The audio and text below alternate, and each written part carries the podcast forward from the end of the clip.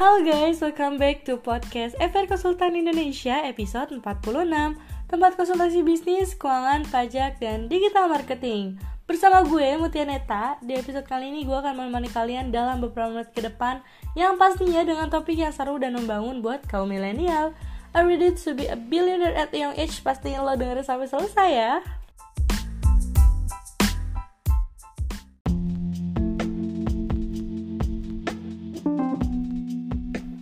Yang sekarang kita akan bahas adalah akun pembukuan akrual dalam akuntansi nih. Kalau misalnya secara pengertian, akrual adalah salah satu istilah akuntansi dan juga pembukuan yang mengacu pada penyesuaian yang harus dilakukan sebelum diterbitkannya laporan keuangan perusahaan. Nah, transaksi bisnis yang dapat dilibatkan pada akrual adalah yang pertama ada beban, kewajiban, dan juga kerugian yang sudah terjadi tapi belum tercatat dalam akun. Nah, yang kedua ada pendapatan dan aset yang sudah didapatkan tapi belum tercatat dalam akun. Nah, untuk metode accrual ini dinilai lebih tepat dalam menilai kondisi keuangan suatu perusahaan. Penggunaan accrual sangatlah berguna untuk bisnis yang mana di dalamnya terdapat banyak sekali transaksi kredit, termasuk penjualan produk yang barang atau jasa secara kredit yang di dalamnya tidak terjadi penukaran uang secara tunai. Nah, kalau misalnya kalian bingung apa sih perbedaan akuntansi kas dengan akuntansi akrual, jadi pada dasarnya akuntansi akrual adalah kebalikan dari akuntansi kas. Perbedaan besar antara keduanya terletak pada bagaimana sih perusahaan mampu melaporkan pendapatan dan bebannya. Dalam akuntansi kas, perusahaan akan mengakui pendapatan halnya bila sudah menerima pembayaran tunai, pun akan mencatat pengeluaran saat sudah melakukan pembayaran tunai. Itu artinya pengakuan pendapatan dan pengeluaran hanya terjadi saat uang sudah berpindah tangan. Di sisi lainnya, metode akrual tidak bergantung pada aliran uang. Perusahaan bisa mengakui adanya pendapatan atau beban walaupun belum menerima ataupun melakukan pembayaran secara tunai.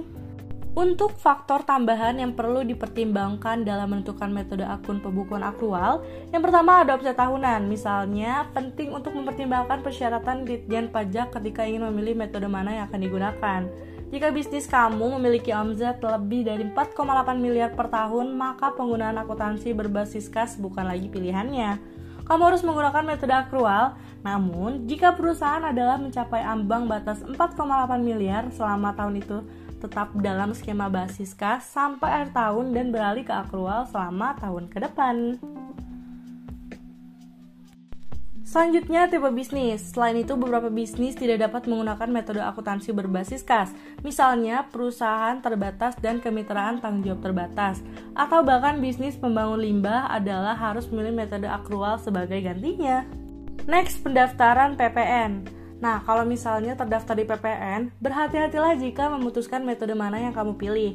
Jika faktur kamu bernilai sangat tinggi, maka memiliki persyaratan kredit jangka panjang. Kalau misalnya bisnis kamu mungkin lebih memilih skema akuntansi berbasis kas karena kamu dapat menunda pembayaran PPN sampai kamu secara fisik menerima pembayaran. Dan yang terakhir, waktu penjualan dan pembayaran. Misalnya kalau faktur kamu di titik penjualan atau POS, metode accrual mungkin lebih baik bagi kamu karena memungkinkan kamu memperoleh penghasilan. Dengan demikian kamu adalah dapat memperoleh kembali PPN segera mungkin.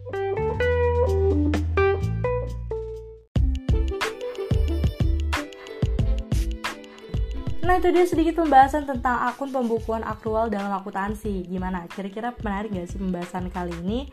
Thanks banget buat para Gen Z yang udah dengerin sampai akhir episode 46 Nah untuk mendapatkan lebih banyak tips dan trik tentang bisnis, keuangan, pajak, dan digital marketing Kalian pantau terus ya podcast FR Konsultan Indonesia dan tunggu updateannya di Instagram at Konsultan Indonesia Oh iya, kalian juga bisa konsultasi gratis loh selama 20 menit pertama dengan menghubungi nomor 0813-8228-991 atau mengunjungi website kami di fnkonsultanindonesia.com.